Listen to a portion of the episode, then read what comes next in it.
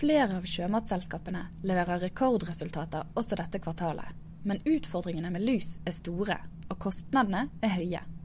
Kan inntektene fortsette å vokse, eller er det grunn til å være bekymret? Velkommen til Laksekast. Jeg heter Camilla Odland og er journalist i Sysla. Med meg har jeg analytiker Marius Gaard i Svedbank og ansvarlig redaktør Aslak Berge i Ilaks. Nå har alle de store børsnoterte sjømatselskapene kommet med sine tredjekvartalsresultater. Har det kommet noe her som overrasker deg, Marius? Ja, jeg vil si det har vært en egentlig ganske skuffende resultatsesong. Um, og spesielt kanskje den fra Marin var ganske skuffende. Og så har du den fra SalMar i dag også, som var kanskje den mest skuffende av alle. Uh, og I tillegg så har det vært litt, litt på den svake siden fra Lerøy og litt på den svake siden fra Grieg Seafood.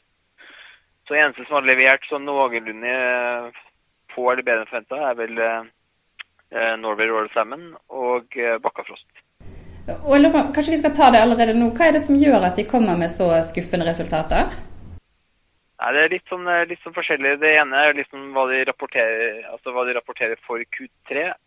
Og noe annet er hva de sier om framtiden.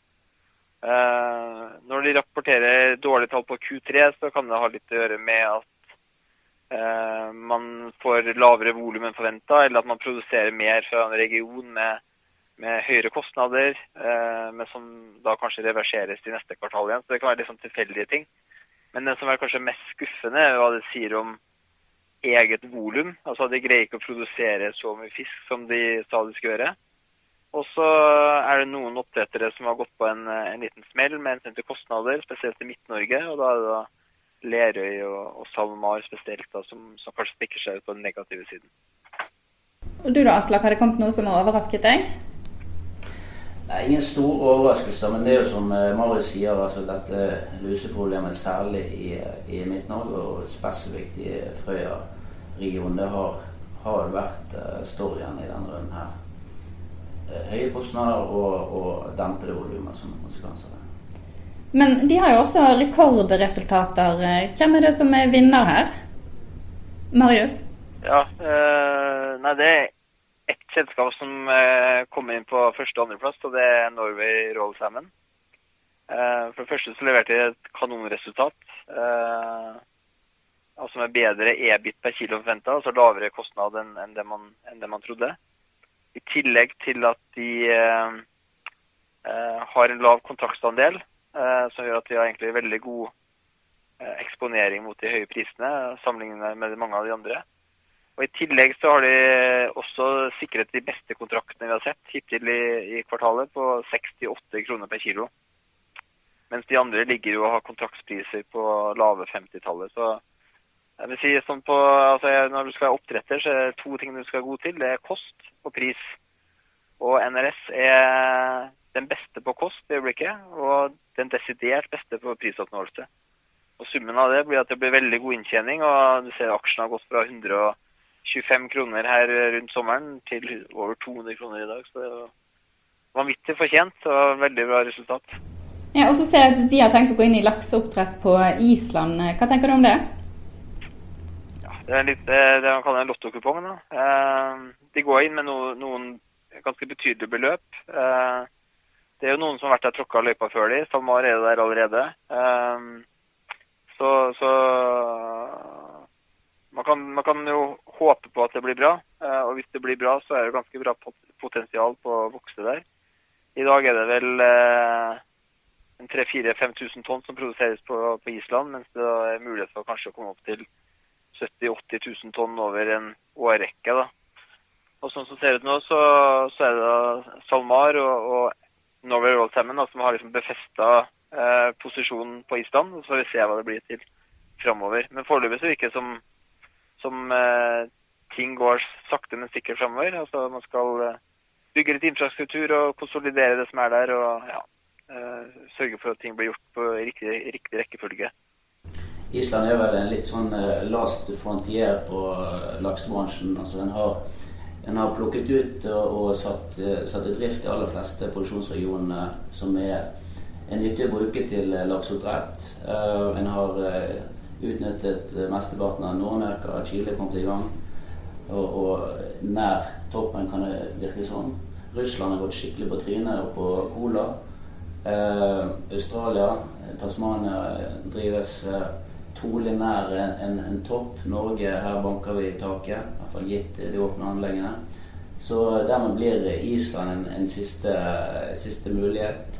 Eh, et betydelig areal som har, eh, har egentlig sjøtemperaturer tilsvarende det en finner i Øst-Finnmark. Og Øst-Finnmark har jo slitt lenge, men eh, begynner vel etter hvert å, å, å, dra nytte av det som en, en ser i, i, NRS med, med kald, kald, sjø som gir eh, lite lus.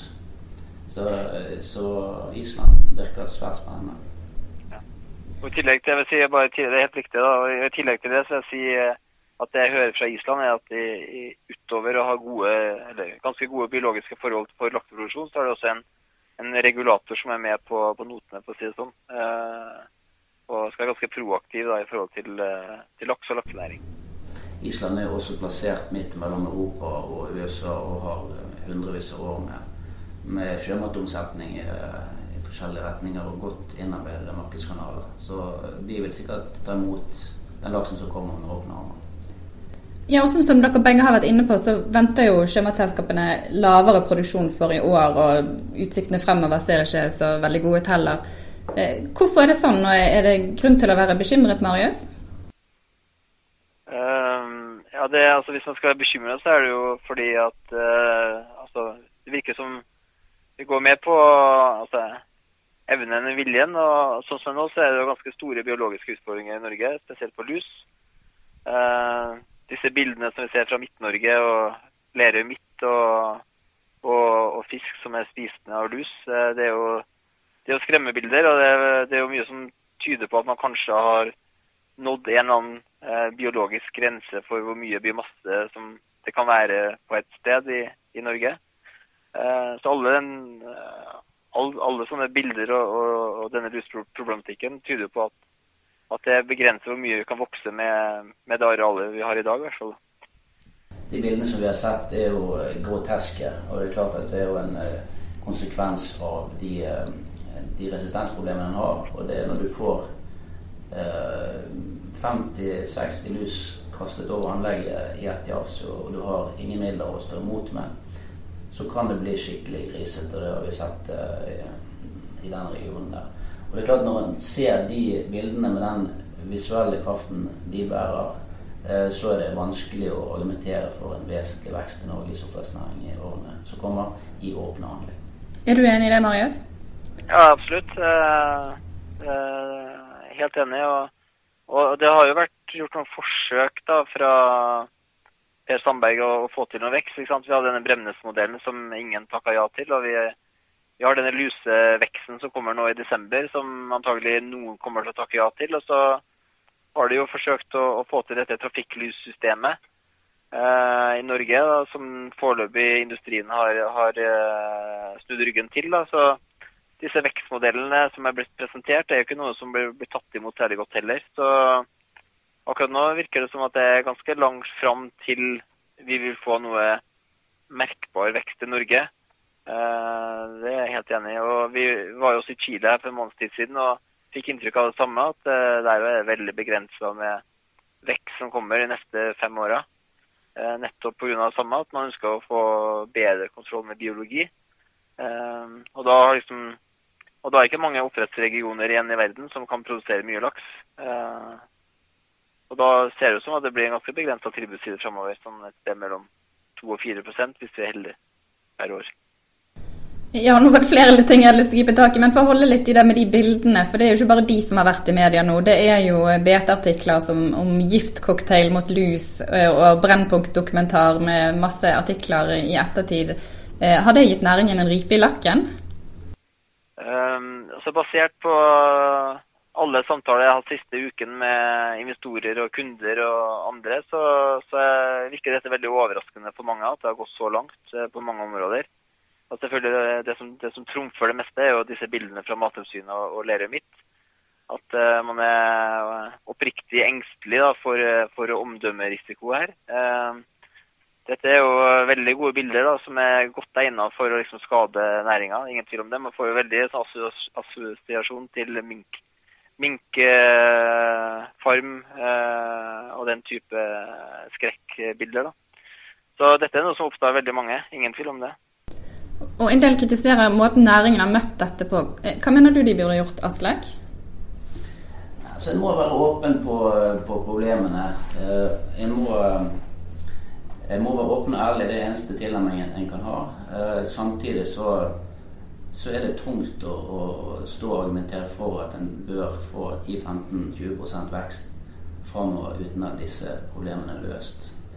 Eh, det koker ned til, eh, til lusebekjempelse, og da blir det litt sånn eh, flisespikkeri å, diskutere eh, hvorvidt lusen har eh, og i hvilken grad den har innvirkning på laksebestanden, og eh, om det er den som er eneste årsak til at eh, villaksen har gått tilbake igjen.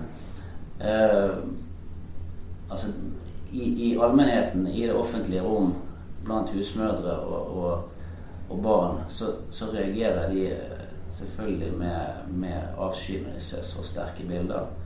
Og det her er dyreplageri. Men Marius, du sier at også investorene nå er bekymret. Er det grunn til å være bekymret over effekten næringen har på miljøet, og bør man ta nye grep? Altså det, det, er jo den eh, altså det, prisen, for, prisen, for, å være åpen og ærlig er vel eh, at man får se sånne bilder òg.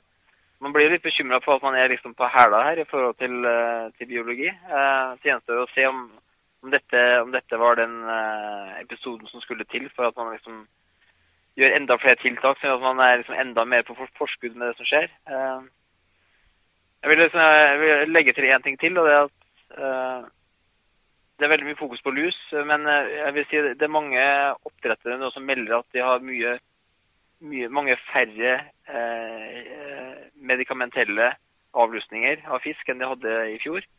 Altså Man har gått over til andre typer for ikke-medikamentelle avlusningsmetoder. Det har gitt noen effekter som man kanskje ikke så for seg. Eh, det kan være mer lus. Om man ikke får fjerna det på, på, på en ikke-medikamentell måte. Eh, og det har også medført eh, høyere dødelighet. Flere, mer behandling av fisk, som heller ikke er bra. Så man kan si man har jo forsøkt å snu seg i en positiv retning ved å gå bort fra kjemikalier. Men det har hatt noen negative konsekvenser da, som man kanskje ikke så for seg da man begynte med disse ikke-medikamentelle eh, metodene. Ja, og så tenkte vi skulle gå videre til den behandlingen som du nevnte, Marius. Eh, den gir jo også høyere kostnader knyttet til avlusing, og selskapene, er, bl.a. Marine Harvest, er bekymret over det. Eh, er det en bekymring du deler? Um, egentlig ikke. Altså, vi, jeg er primært aksjeanalytiker, så jeg sitter og alltid vurderer på hva som hva, hva, hva, er det som ligger i disse inntjeningsestimatene og inntjeningen til selskapene. Ingen tvil om at kostnadene øker, og litt mer enn det man trodde. Uh, mye fordi at man får noen sånne sideeffekter ved denne ikke-medikamentelle behandlingen som man ikke hadde sett for seg. Som f.eks. dødelighet da, og, og dårligere fòrfaktor. For eksempel.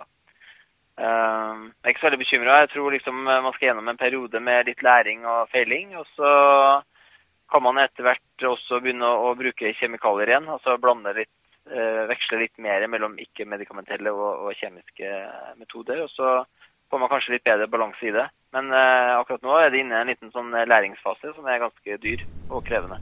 Det paradoksale er jo at denne bekymringen om at luseproblemet er, er så vidt stort, stopper tilbudssiden, og dermed sikrer svært høye priser i all overskuelig fremtid.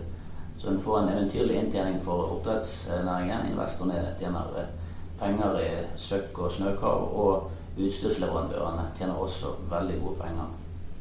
Ja, for det var det neste. For dette, de forventer jo bedre inntjening, og de tjener jo veldig godt på laksprisene lakseprisene her.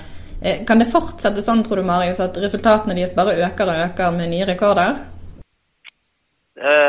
Helt siden 2012, da lakseprisen var i 26 kroner, så har det alltid vært spørsmål om hvor mye høyere kan prisen gå. Og Nå er vi da på 65 kroner i uka her. og, og Tilbakemeldingene er at det går litt i rykk og. Det er alltid noen som klager over høye priser, sånn vil det alltid være. Men uh, de tilbakemeldingene vi får, og spesielt fra selskapene i, i, dette kvartalet, har jo vært at de har nå sluttet å signere kontrakter for neste år. fordi de tror at eh, kontraktsprisene kan, kan komme enda høyere opp enn, enn det det er i dag. Så sett fra utsida så er det ingenting som tyder på at etterspørselen er spesielt dårlig fordi prisen er høy. Uh, og det er jo det er jo ekstremt sterkt, selvfølgelig, men uh, hvem skulle tro det liksom for, for, et år eller to siden? Hva tenker du om det, Aslak? Kan resultatene deres fortsette å øke? Ja, altså, det, det, som er forutsetningen her, er at etterspørselssiden fortsetter å vokse. Uh, for vi vet at tilbudet i stor grad er gitt. Og det er jo svært mange drivere som kjører opp etterspørselen. Eh, det kanskje mest nærliggende er jo sushimarkedet, som betjenes i stor grad av laks. Den viktigste delen i et globalt eh, en global, global eh, matvare. og, og logistisk sett er det ingen som matcher laksen i det hele tatt. Altså det er ingen, det er ingen sjømatarter som kan sikre i praksis ubegrensede volumer 365 dager i året til supermarkedskjeder og til sushirestauranter. Så, så markedsutsiktene er, er, gode. og I tillegg så er det òg andre drivere som økt kjøpekraft, eh, økt etterspørsel etter eh, proteiner samt sunnhetsbølgen. Og da tenker jeg at vi lar det være siste ord. Tusen takk skal dere ha, begge to. Du har nå hørt på Laksekast, Sysla sin faste podkast om havbruksnæringen. Du kan abonnere på podkasten i iTunes eller din faste podkastspiller. Vi høres igjen.